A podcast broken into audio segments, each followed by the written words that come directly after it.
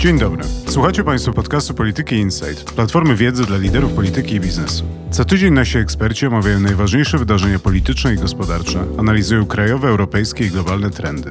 Ja nazywam się Andrzej Bobiński i zapraszam do wysłuchania kolejnego odcinka i odwiedzenia strony Polityki Insight www.politykainsight.pl.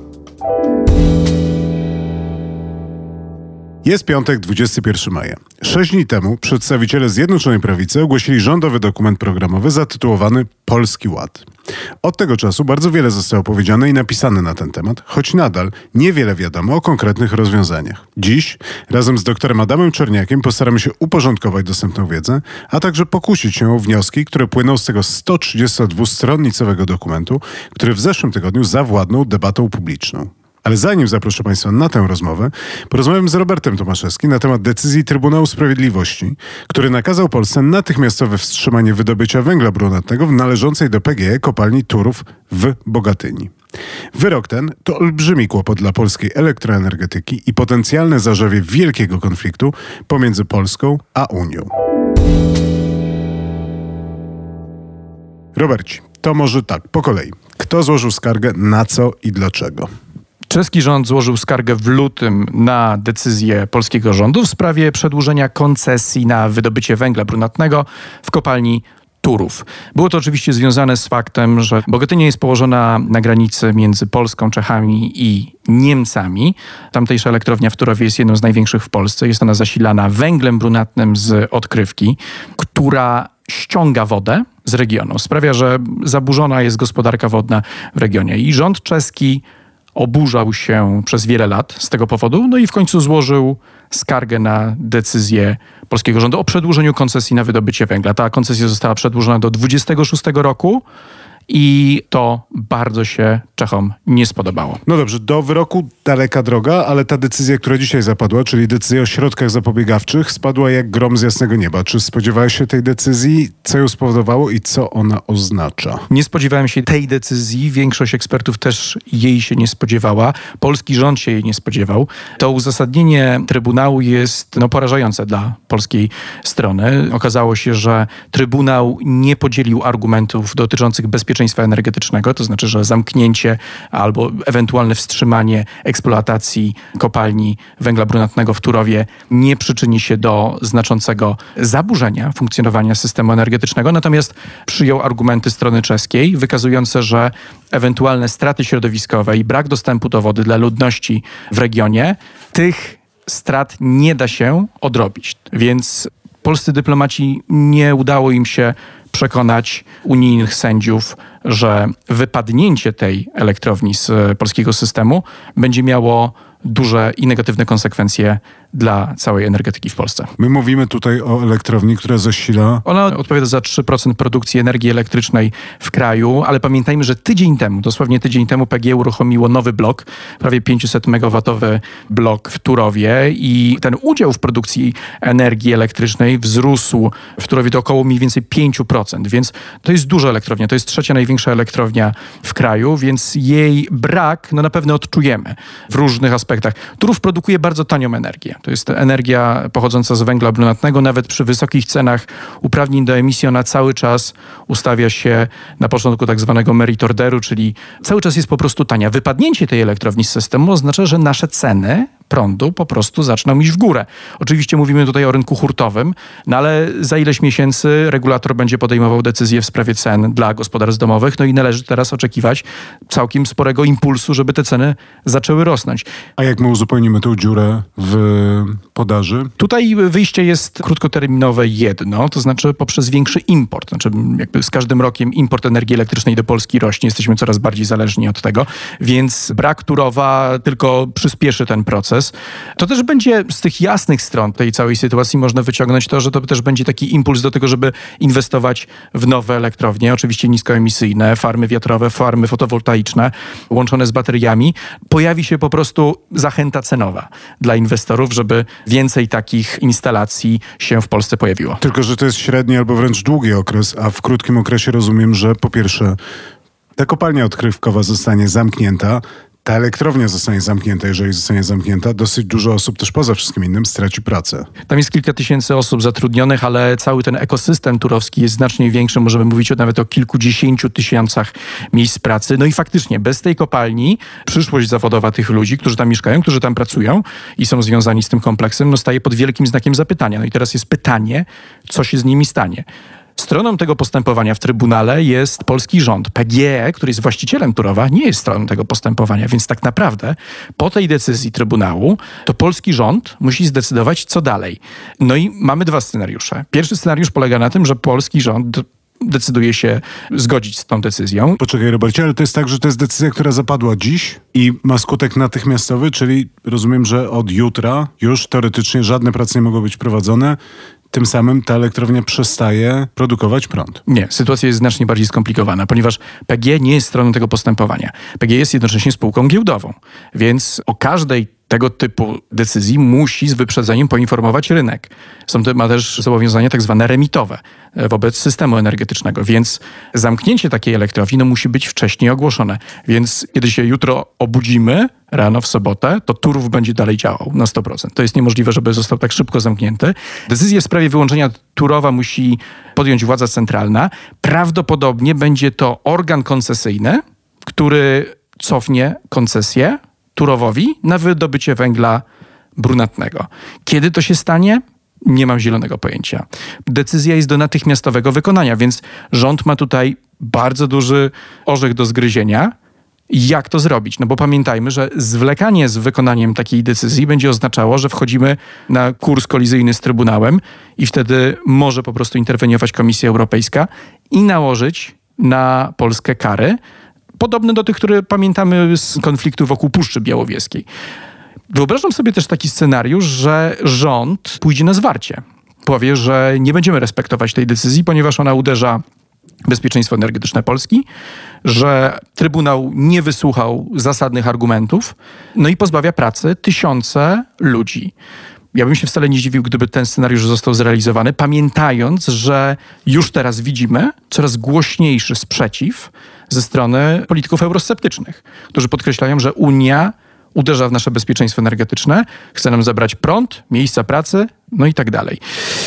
Co się wydarzy? Świetne pytanie. No dobrze, to na koniec, Robert, jakbyś mógł powiedzieć, w najbliższym czasie, co się wydarzy, na co powinniśmy patrzeć? Niezbyt wiele możemy teraz powiedzieć, to znaczy nagrywamy ten podcast krótko po godzinie 16, więc cały czas czekamy na oświadczenie Polskiej Grupy Energetycznej.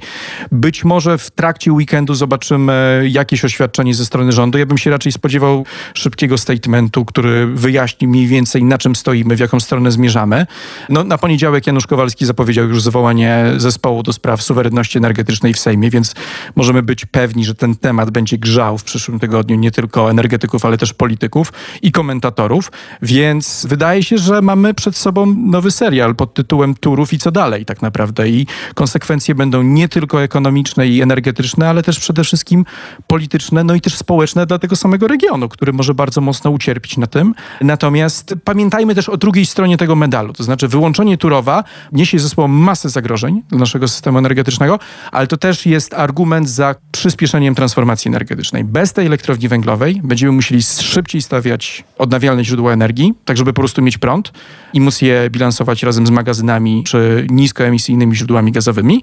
I to będzie kolejny argument za tym, że nie ma odwrotu przed transformacją. No super, to dziękuję bardzo Robert. Rozumiem, że to był pilot tego serialu, który będziemy obserwowali i o którym będziemy rozmawiali. Ja już teraz zapraszam na wtorkową rozmowę na ten temat w podcaście, który na co dzień ty prowadzisz, a pewnie ja z tobą będę rozmawiał tym razem Energia do Zmiany. A tymczasem, dziękując za tę rozmowę, zapraszam na kolejną rozmowę dziś, teraz z Adamem Czerniakiem o Polskim Ładzie. Adamie, nie wiem, czy się ze mną zgodzisz, ale mam takie poczucie, że w Polskim Ładzie jest wszystko i nic. I dlatego dziś chciałem się skupić na wątku, o którym rozmawialiśmy we środę z Wojtkiem Szackim w Nasłuchu, to znaczy o portfelach Polaków. Co wiemy, a czego nie wiemy o tym, w jaki sposób Polski Ład wpłynie na portfele Polaków? Moim zdaniem więcej nie wiemy niż wiemy, bo w tym Polskim Ładzie poznaliśmy bardzo dużo informacji, 130 ponad stron na bardzo różne tematy, a zarazem równocześnie poznaliśmy bardzo mało szczegółów. To znaczy ja w idealnym świecie wyobrażam sobie, że po publikacji takiego dokumentu później wszystkie resorty wychodzą i mówią tutaj mamy taki projekt ustawy, tu mamy taki projekt ustawy, tu taki, dyskutujmy o tym. Natomiast najlepiej widać to na przykładzie właśnie projektów, czy braku projektów w zakresie zmian podatkowych. Tutaj wiemy tylko, jakie są wytyczne kierunkowe tych zmian, czyli że bogaci zapłacą wyższe podatki, biedni mają zapłacić niższe podatki, a ci o średnich dochodach, w ich przypadku stopa podatkowa ma się nie zmienić. No dobrze, ale zastanawiam się, o czym my w takim razie rozmawialiśmy przez ten ostatni tydzień, bo mam takie poczucie, że już każdy wyrobił sobie zdanie, każdy publicysta i dziennikarz napisał swój tekst. Wyborcy, ci, którzy się interesują i śledzą, też prawdopodobnie to przedyskutowali w swoim gronie i przełożyło się to w jakimś stopniu, w jakiejś mierze na ich decyzje, sympatie i tak dalej polityczne. Więc mam takie trochę poczucie dysonansu. Z jednej strony wielkie boom, Polski Ład, wszyscy o tym rozmawiają i każdy sobie wyrobił zdanie, z drugiej strony ty mówisz, że w sumie my nie wiemy, co tam jest i co tam będzie. No, to może być w ogóle strategia komunikacyjna tego raportu, że każdy rozmawiał trochę o sobie. Ty miałeś poczucie dysonansu, ja z kolei miałem poczucie kakofonii, bo nagle tutaj widzę jedno oszacowanie, kto zyska, kto straci. Później inne oszacowanie, kto zyska, kto straci. Później wychodzi Ministerstwo Finansów, które pokazuje, a zapomnieliśmy powiedzieć, tu jeszcze będzie taka ulga dla klasy średniej. Proszę bardzo, skomplikowana formuła, ale ta formuła, nie przyzwyczajecie się do niej, on na pewno będzie wyglądać inaczej. I w zasadzie każdy zaczął dyskutować o czymś innym i może taki był cel, tak? że gdzieś ta dyskusja i też retoryka opozycji się rozmyje, rozejdzie po kątach i będzie łatwo można każdego indywidualnie mu odpowiadać na jego zarzuty.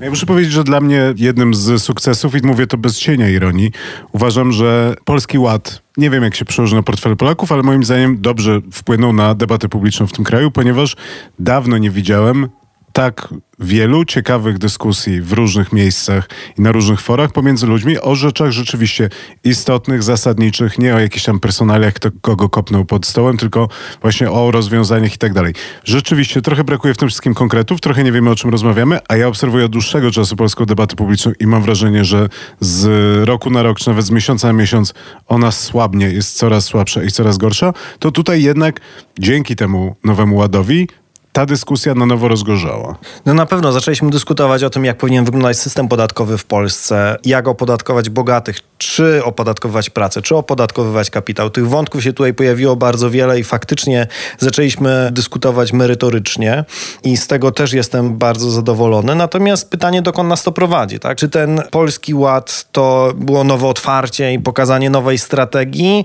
rozwoju? Moim zdaniem nie. Moim zdaniem Polski Ład ma charakter kontynuacji dotychczasowego dryfu instytucjonalnego. Tutaj drobna dygresja. Dwa lata temu, jak z kolegami, koleżankami ze SGH przygotowaliśmy badania na temat różnych modeli kapitalizmu w Europie, to utworzyliśmy nowe określenie, które weszło już, mam nadzieję, do zagranicznej, nawet międzynarodowej prasy, a mianowicie patchwork capitalism, czyli przekładając na polski kapitalizm fastrygowany, a mówiąc dosadnie łatany. Czyli taki kapitalizm, gdzie widzimy jakieś fajne rozwiązanie za granicą i to rozwiązanie implementujemy w Polsce. Później bierzemy inne je implementujemy, później widzimy jakiś problem w Polsce, no to go staramy się tutaj jakąś ustawą czy zmianą ustawy załatać i koniec końców ten kapitalizm wygląda jak polska droga powiatowa w latach 2000, gdzie się po prostu wylewa jedną łatę za drugą i po tej drodze ciężko się jedzie, a po zimie to już w ogóle się przejechać nie da. No czyli łata nie ład. I o to się chciałem zapytać. Znaczy ja wyobrażam sobie, że siadając do napisania takiego programu, do zaproponowania jakiejś narracji, ale też drogi rozwojowej dla kraju, pierwszym punktem i wyjściem do takich prac i takiego dokumentu byłaby jakaś diagnoza. To znaczy byłby ten moment, kiedy siadamy, zastanawiamy się, co jest dobrze, co jest źle, identyfikujemy problemy, a następnie proponujemy jakieś rozwiązania. Ciekaw jestem, czy ty widziałeś, dostrzegłeś, wiesz, jaka była ta diagnoza i na jakie faktyczne problemy ten program odpowiada. No właśnie mi tej diagnozy, spójnej, ogólnej diagnozy potrzeb, wyzwań zabrakło. To znaczy, bo jeżeli mówimy, że problemem jest na przykład niski przyrost naturalny w Polsce, no to jeżeli tak stawiamy diagnozę, no to do tego powinny być dopasowane narzędzia, a dzietności nie pobudzi bon mieszkaniowy, natomiast mogłoby pobudzić znaczące dofinansowanie programów in vitro, gdzie to dofinansowanie zostało w ostatnich latach ograniczone, a tego tam nie ma. Więc w wielu aspektach mam poczucie braku spójnej diagnozy, która stanowi punkt wyjścia do tego programu. Raczej ten program, podobnie jak niestety większość wcześniejszych programów politycznych, rozwiązuje takie doraźne problemy, czyli po prostu łata dziury w tej drodze polskiego kapitalizmu. Najlepszym przykładem jest to, co zostało zrobione z systemem podatkowym. Zamiast wziąć ustawę o podatku dochodowym od osób fizycznych, wrzucić ją do kosza i napisać ją od nowa, a może nawet zastanowić się nad jednolitym podatkiem od dochodów osób prywatnych, uwzględniającym zarówno dochód z pracy, jak i dochód z kapitału, to zrobiono podniesienie kwoty wolnej od podatku, bo ją obiecaliśmy w wyborach. Następnie mamy podnieść wydatki na ochronę zdrowia, no to podnieśmy składkę zdrowotną, bo budżet NFZ musi się równoważyć. I po trzecie, podnieśmy opodatkowanie osób najwięcej zarabiających, zwłaszcza prowadzących jednoosobową działalność gospodarczą, bo chcemy mieć bardziej progresywny system. A, o, zobaczcie, tutaj wyszło nam, że przy takich rozwiązaniach to osoby zarabiające w okolicach średniej na tym stracą, no to dajmy jeszcze ulgę od podatku dla tych osób. No i to jest łata na łacie de facto. Zamiast wziąć i napisać to wszystko od nowa, zastanawiając się nad wyzwaniami nie tylko krótkookresowymi, ale i długookresowymi polskiego rozwoju, no to rząd zdecydował się na to, żeby po prostu ten system połatać i, i naprawdę to będzie generować więcej kosztów niż korzyści w średnim okresie. No ale może to tak jest, że...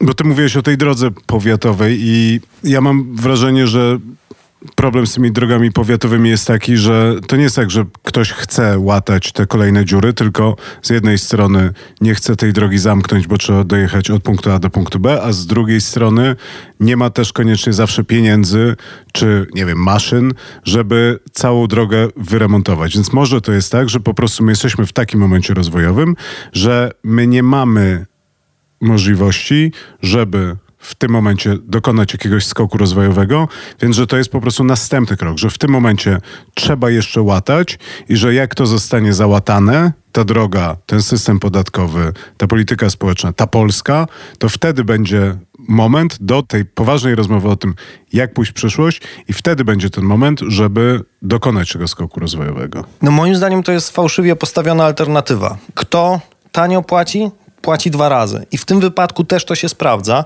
bo nawet jeżeli by się okazało, że nie mamy środków finansowych, żeby zreformować cały system, żeby faktycznie wprowadzić porządną, jednolitą daninę, która opodatkowuje zarówno pracę, jak i kapitał, czy dochody z kapitału dla osób prywatnych, no to trzeba by było robić dokładnie tak, jak się powinno robić z drogą. Czyli mówimy, ok, w tym roku nie mamy pieniędzy na wyremontowanie całej drogi, no to remontujemy jedną trzecią, w przyszłym roku jedną trzecią, w kolejnym roku jedną trzecią, trzecią i zaczynamy od tego odcinka, który jest najbardziej newralgiczny. I tak powinna być kształtowana polityka, więc nawet jeżeli nie mielibyśmy środków na wszystko, no to idźmy po kolei, ale róbmy to dobrze. Może zróbmy mniej naraz, nie róbmy dokumentu na 25 obszarów, które są kluczowe dla rozwoju Polski, zróbmy dokument na 3-5 obszarów, nimi się zajmijmy, a później pójdźmy dalej. Dobrze, to dziękuję Ci za ogólne opowiedzenie o tym programie. Teraz chciałbym, bo przyznam się, że jak przygotowywałem się do tej rozmowy, to miałem dosyć duży problem, żeby ustalić, czy chciałbym rozmawiać i czy chciałem się dowiedzieć więcej o konkretach, czy o właśnie takim ogóle, czy o wizji, czy o rozwiązaniach. I poległem, w sensie nie potrafiłem zaproponować scenariusza rozmowy, który by złapał punktowo, więc chciałem Cię zapytać o parę rzeczy, które po prostu mnie zastanawiają i które krążą w tej debacie publicznej, a są moim zdaniem jakieś takie niedookreślone i niedopowiedziane. Jeden taki wątek to jest cała ta historia o klasie średniej. Jak ty to widzisz? Jak definiujesz tą klasę średnią? Czy w ogóle jest taka kategoria, o której tu powinniśmy rozmawiać? Czy rzeczywiście ta klasa średnia traci, czy zyskuje na tym i tak dalej, i tak dalej? No zacznijmy od podstaw, czyli od definicji klasy średniej. Ja uważam, że w ogóle w Polsce klasy średniej nie ma. Znaczy, cieszę się oczywiście, że w ramach powrotu do pewnych wartości lewicowych polska opinia publiczna zaczęła odwoływać się do koncepcji neomarksowskich, no bo one wiele wnoszą do zrozumienia zmian w społeczeństwie, do rozwoju społeczeństwa, ale przegapiła w tym wszystkim szereg publikacji socjologów z końca 90. i 2000, które twierdziły, że w Polsce nie ma czegoś takiego jak społeczeństwo klasowe. My jesteśmy zbyt zróżnicowani. Po okresie transformacji nastąpiło przemieszanie społeczne, więc odniesienie koncepcji klasowych do polskiego społeczeństwa jest kompletnie nietrafne. I to na pewno nie możemy tego robić wyłącznie na podstawie dochodu, no bo przecież klasa to nie jest tylko grupa osób zarabiających te same pieniądze, ale też mająca spójne wartości, spójne preferencje, spójny interes polityczny, społeczny. W tej klasie średniej, jak to w tej chwili w opinii publicznej jest nazywana grupa o dochodach pomiędzy mniej więcej 4 tysiące na rękę, a 8-9 tysięcy złotych na rękę, łapiemy i emerytów, i część rolników. Łapiemy i tak zwane niebieskie kołnierzyki, czyli osoby wykonujące prace fizyczne, jak i łapiemy część białych kołnierzyków, czyli na przykład urzędników w państwowych urzędach. I ta cała grupa jest kompletnie niejednorodna społecznie. My tutaj nie możemy mówić o jakiejkolwiek klasie społecznej. To jest po prostu grupa, która zarabia pomiędzy X a Y, ale oczywiście tego typu koncepcja, czyli ochrony grupy zarabiającej w okolicach średniej krajowej, ma sens tym zakresie, że zastanawiamy się nad y, dystrybucją dochodów w Polsce. I wtedy oczywiście możemy mówić o, o pewnej grupie zarabiającej jakieś średnie pieniądze i możemy mówić o tym, że powinniśmy tę grupę chronić po to, żeby zmniejszać nierówności dochodowe i też po to, żeby móc doganiać kraje zachodnie. Druga sprawa, która mnie zastanawia, to jest na ile rzeczywiście te rozwiązania podatkowe, które są zapowiadane w Polskim Ładzie, i nie wiem, czy to jest to słowo, są nowoczesne albo pasują do tego, w jaki sposób teraz na świecie buduje się albo powinno się budować systemy podatkowe. Mówię tutaj o tym, że cały ciężar tego projektu i tej opowieści jest położony na opodatkowaniu pracy, a nie ma nic o opodatkowaniu kapitału czy własności. I dla mnie to jest zastanawiające tutaj.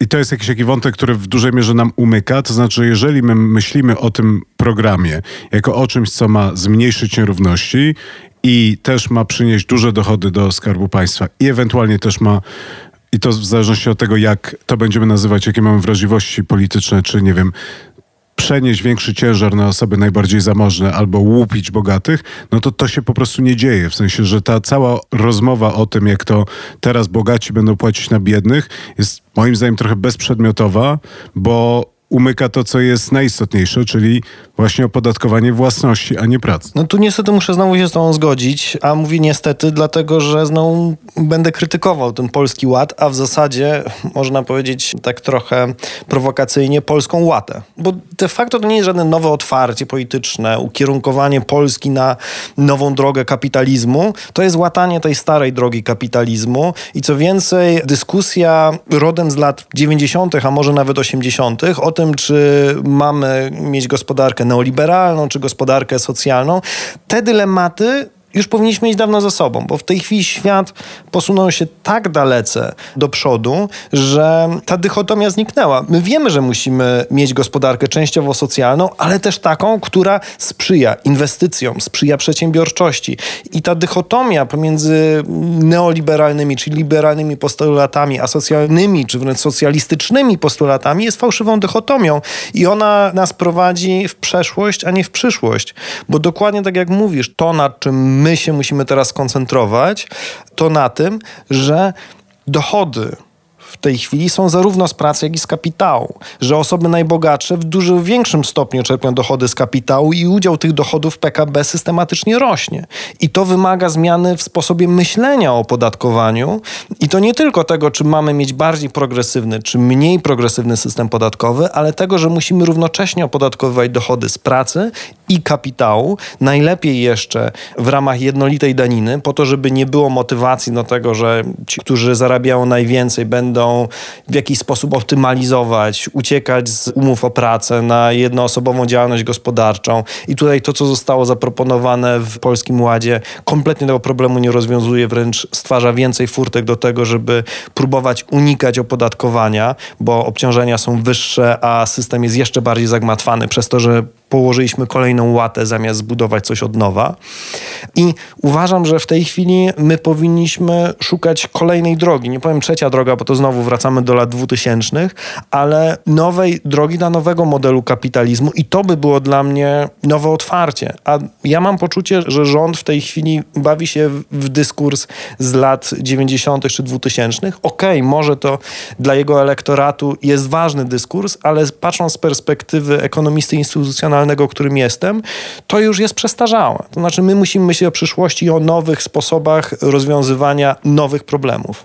Ja rozumiem, że super by było, jakby ten program, ten Polski Ład był jakimś takim przyczynkiem do skoku rozwojowego. Ale może to jest tak, że my, jako społeczeństwo, intelektualnie nie jesteśmy w stanie dokonać tego skoku, bo jednak musimy nadrobić. I gdzieś tam w ogóle dla mnie istota rozmowy o tym programie jest rozmową o nadrabianiu. Czy można dokonać tego skoku rozwojowego bez nadrobienia tych zaszłości? Znaczy, czy my możemy przeskoczyć te lata 80., 90. i zerowe, o których ty mówisz, bez przepracowania ich? Czy my musimy przejść okres sporu pomiędzy modelem neoliberalnym a socjalnym po to, żeby zdecydować się na pewną syntezę obu tych modeli i zrobić nowe otwarcie? Myślę, że nie. Że ten obszar, w którym my musimy pójść do przodu, to jest przede wszystkim obszar elit i tego, jak elity myślą. Znaczy, dopóki my będziemy mieć elity skonstruowane według starego modelu walki w ramach obozu postsolidarnościowego,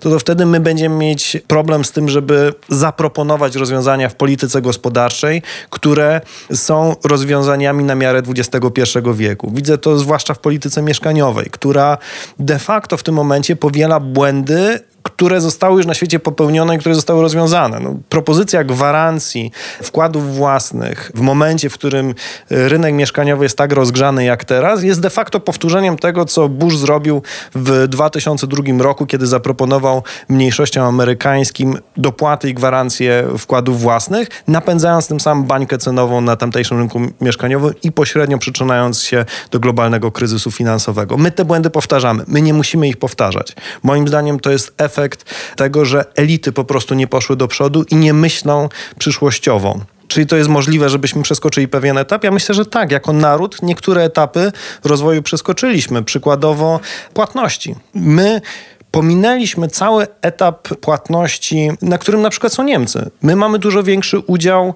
transakcji bezgotówkowych niż wiele krajów zachodnich w tym także zbliżeniowych, czyli bez już wkładania karty od terminala, czy wypisywania czeku, czy wręcz takiego, nie wiem, czy część z Państwa pamięta, odrysowywania karty. Się kładło taką karteczkę na karcie kredytowej i się odrysowywało numery. W niektórych krajach zachodnioeuropejskich, a także w niektórych krajach rozwijających się, to wciąż funkcjonuje. Polska miała możliwość przeskoczenia tego etapu rozwoju usług płatniczych ja mam poczucie, że to samo jest możliwe w kontekście sposobu myślenia o rozwiązywaniu problemów gospodarczych. No ale to wymaga odpowiedzialności odpowiedzialnych elit, których no, nie widzę. Chciałem się ciebie jeszcze zapytać, czy nas stać na Polski Ład?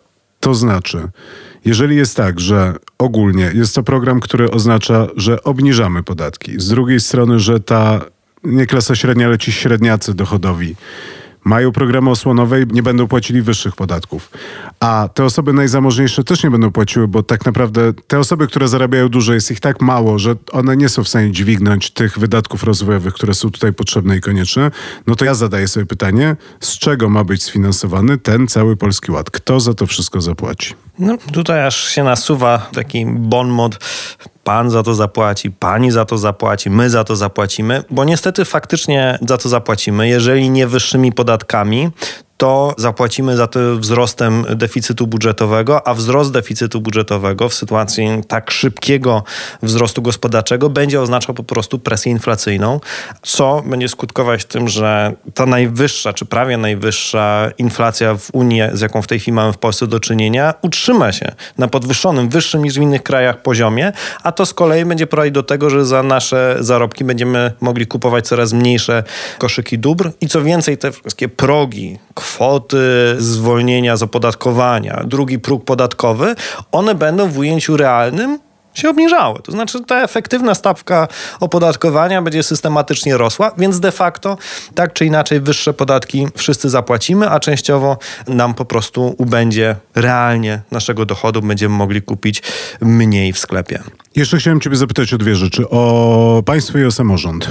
Może zacząłem od tego samorządu. Rozumiem, że tutaj też jest taki problem, że w dużej mierze te obciążenia albo te niższe dochody z opodatkowania będą uderzały w budżety samorządów i że można na to spojrzeć tak, ale ciekaw jestem, jak ty to widzisz, że jest to w pewnym sensie zamach na samorządność i ten polski ład. Powoduje coś takiego, że będzie duże osłabienie siły samorządu, więc de facto dokonuje się pewna przemiana państwa czy systemu, w którym my funkcjonujemy i ona się dzieje od strony budżetów, płatności i wydatków, a nie dzięki jakiejś, nie wiem, debacie, dyskusji, ustawom czy głosowaniom. Tak? To znaczy, że tu jest to, co się dzieje, że zachodzi pewna rewolucja w myśleniu o państwie i samorządzie. Wejdę ci Andrzej w słowo, bo ja tutaj mam dosyć jasną wizję tego. Znaczy, czy to jest zamach na polską samorządność? Uważam, że nie, bo polska samorządność zależy od tego, ile zadań jest powierzonych samorządom. Ta liczba zadań się nie zmienia. Polski Ład nie zmienia tego, że to samorządy będą odpowiadać za szpitale, będą odpowiadać za edukację, za politykę mieszkaniową. To dalej nam pozostaje. To, co się zmienia, to finansowanie. Znaczy, jest problem taki, że ucina się finansowanie przynajmniej z jednej puli, czyli takich stałych dochodów podatkowych samorządom. No ale oczywiście skądś te samorządy muszą dostać pieniądze.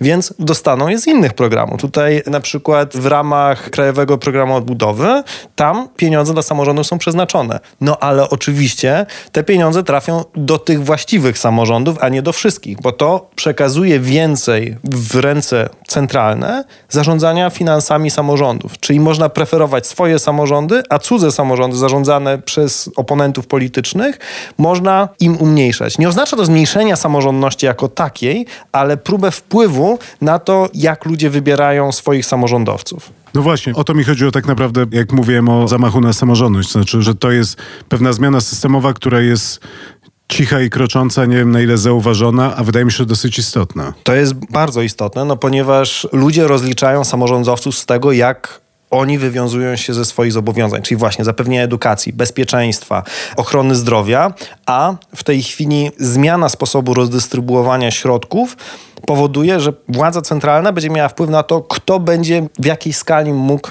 te zadania realizować a zatem jak będzie postrzegane przez swoich wyborców. Nie jest to zamach na sam system samorządności w Polsce, bo ta samorządność wciąż pozostaje, rozliczanie samorządów z tego wciąż pozostaje, ale to jest rządowa próba ograniczenia możliwości działań samorządom, które nie są po linii rządu. No dobrze, to ostatnie pytanie, Adam. Chciałem się ciebie zapytać o państwo. Chciałem ciebie poprosić o takie ćwiczenie, jakbyś mógł pomyśleć o tym, jak Polska będzie wyglądała za 3 do 5 lat, zakładając, że Polski Ład zostanie wprowadzony tak, jakby chcieli tego rządzący i spełni te zadania, o których myślą rządzący, pisząc ten program.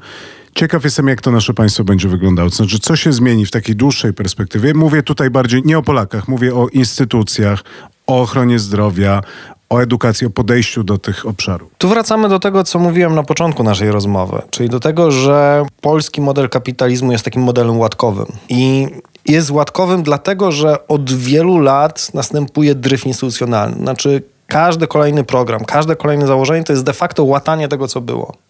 Więc jeżeli mnie pytasz, czy to jest jakieś nowe otwarcie, że coś się zmieni, ja mówię nie, to są kolejne łaty na tym istniejącym systemie, więc my mamy tylko zmiany ilościowe, a nie mamy zmian jakościowych. Polityka mieszkaniowa, mój konik naukowy, tu też nie zachodzi żadna poważna zmiana, bo de facto my nie zwiększymy dostępności mieszkań, my dorzucimy trochę pieniędzy do tego rynku, przegrzejemy go, może doprowadzimy do kryzysu mieszkaniowego, krótkookresowego, ale to nie będzie żadna zmiana, która spowoduje zmianę zmianę struktury podaży mieszkań, na przykład nie wzrośnie liczba mieszkań na wynajem. To samo dotyczy systemu podatkowego. No, zmiana progresywności systemu podatkowego oczywiście jest zmianą ilościową, ale nie ma charakteru zmiany jakościowej. Zmiana jakościowa by zaszła wtedy, kiedy byśmy wprowadzili nową, jednolitą daninę i to jeszcze dla dochodów z pracy i z kapitału. I wtedy byśmy mogli rozmawiać o jakiejś zmianie fundamentalnej, która by powodowała, że za pięć lat obudzimy się w innej Polsce o innych perspektywach rozwojowych. To niestety jest dalej dryf instytucjonalny, więc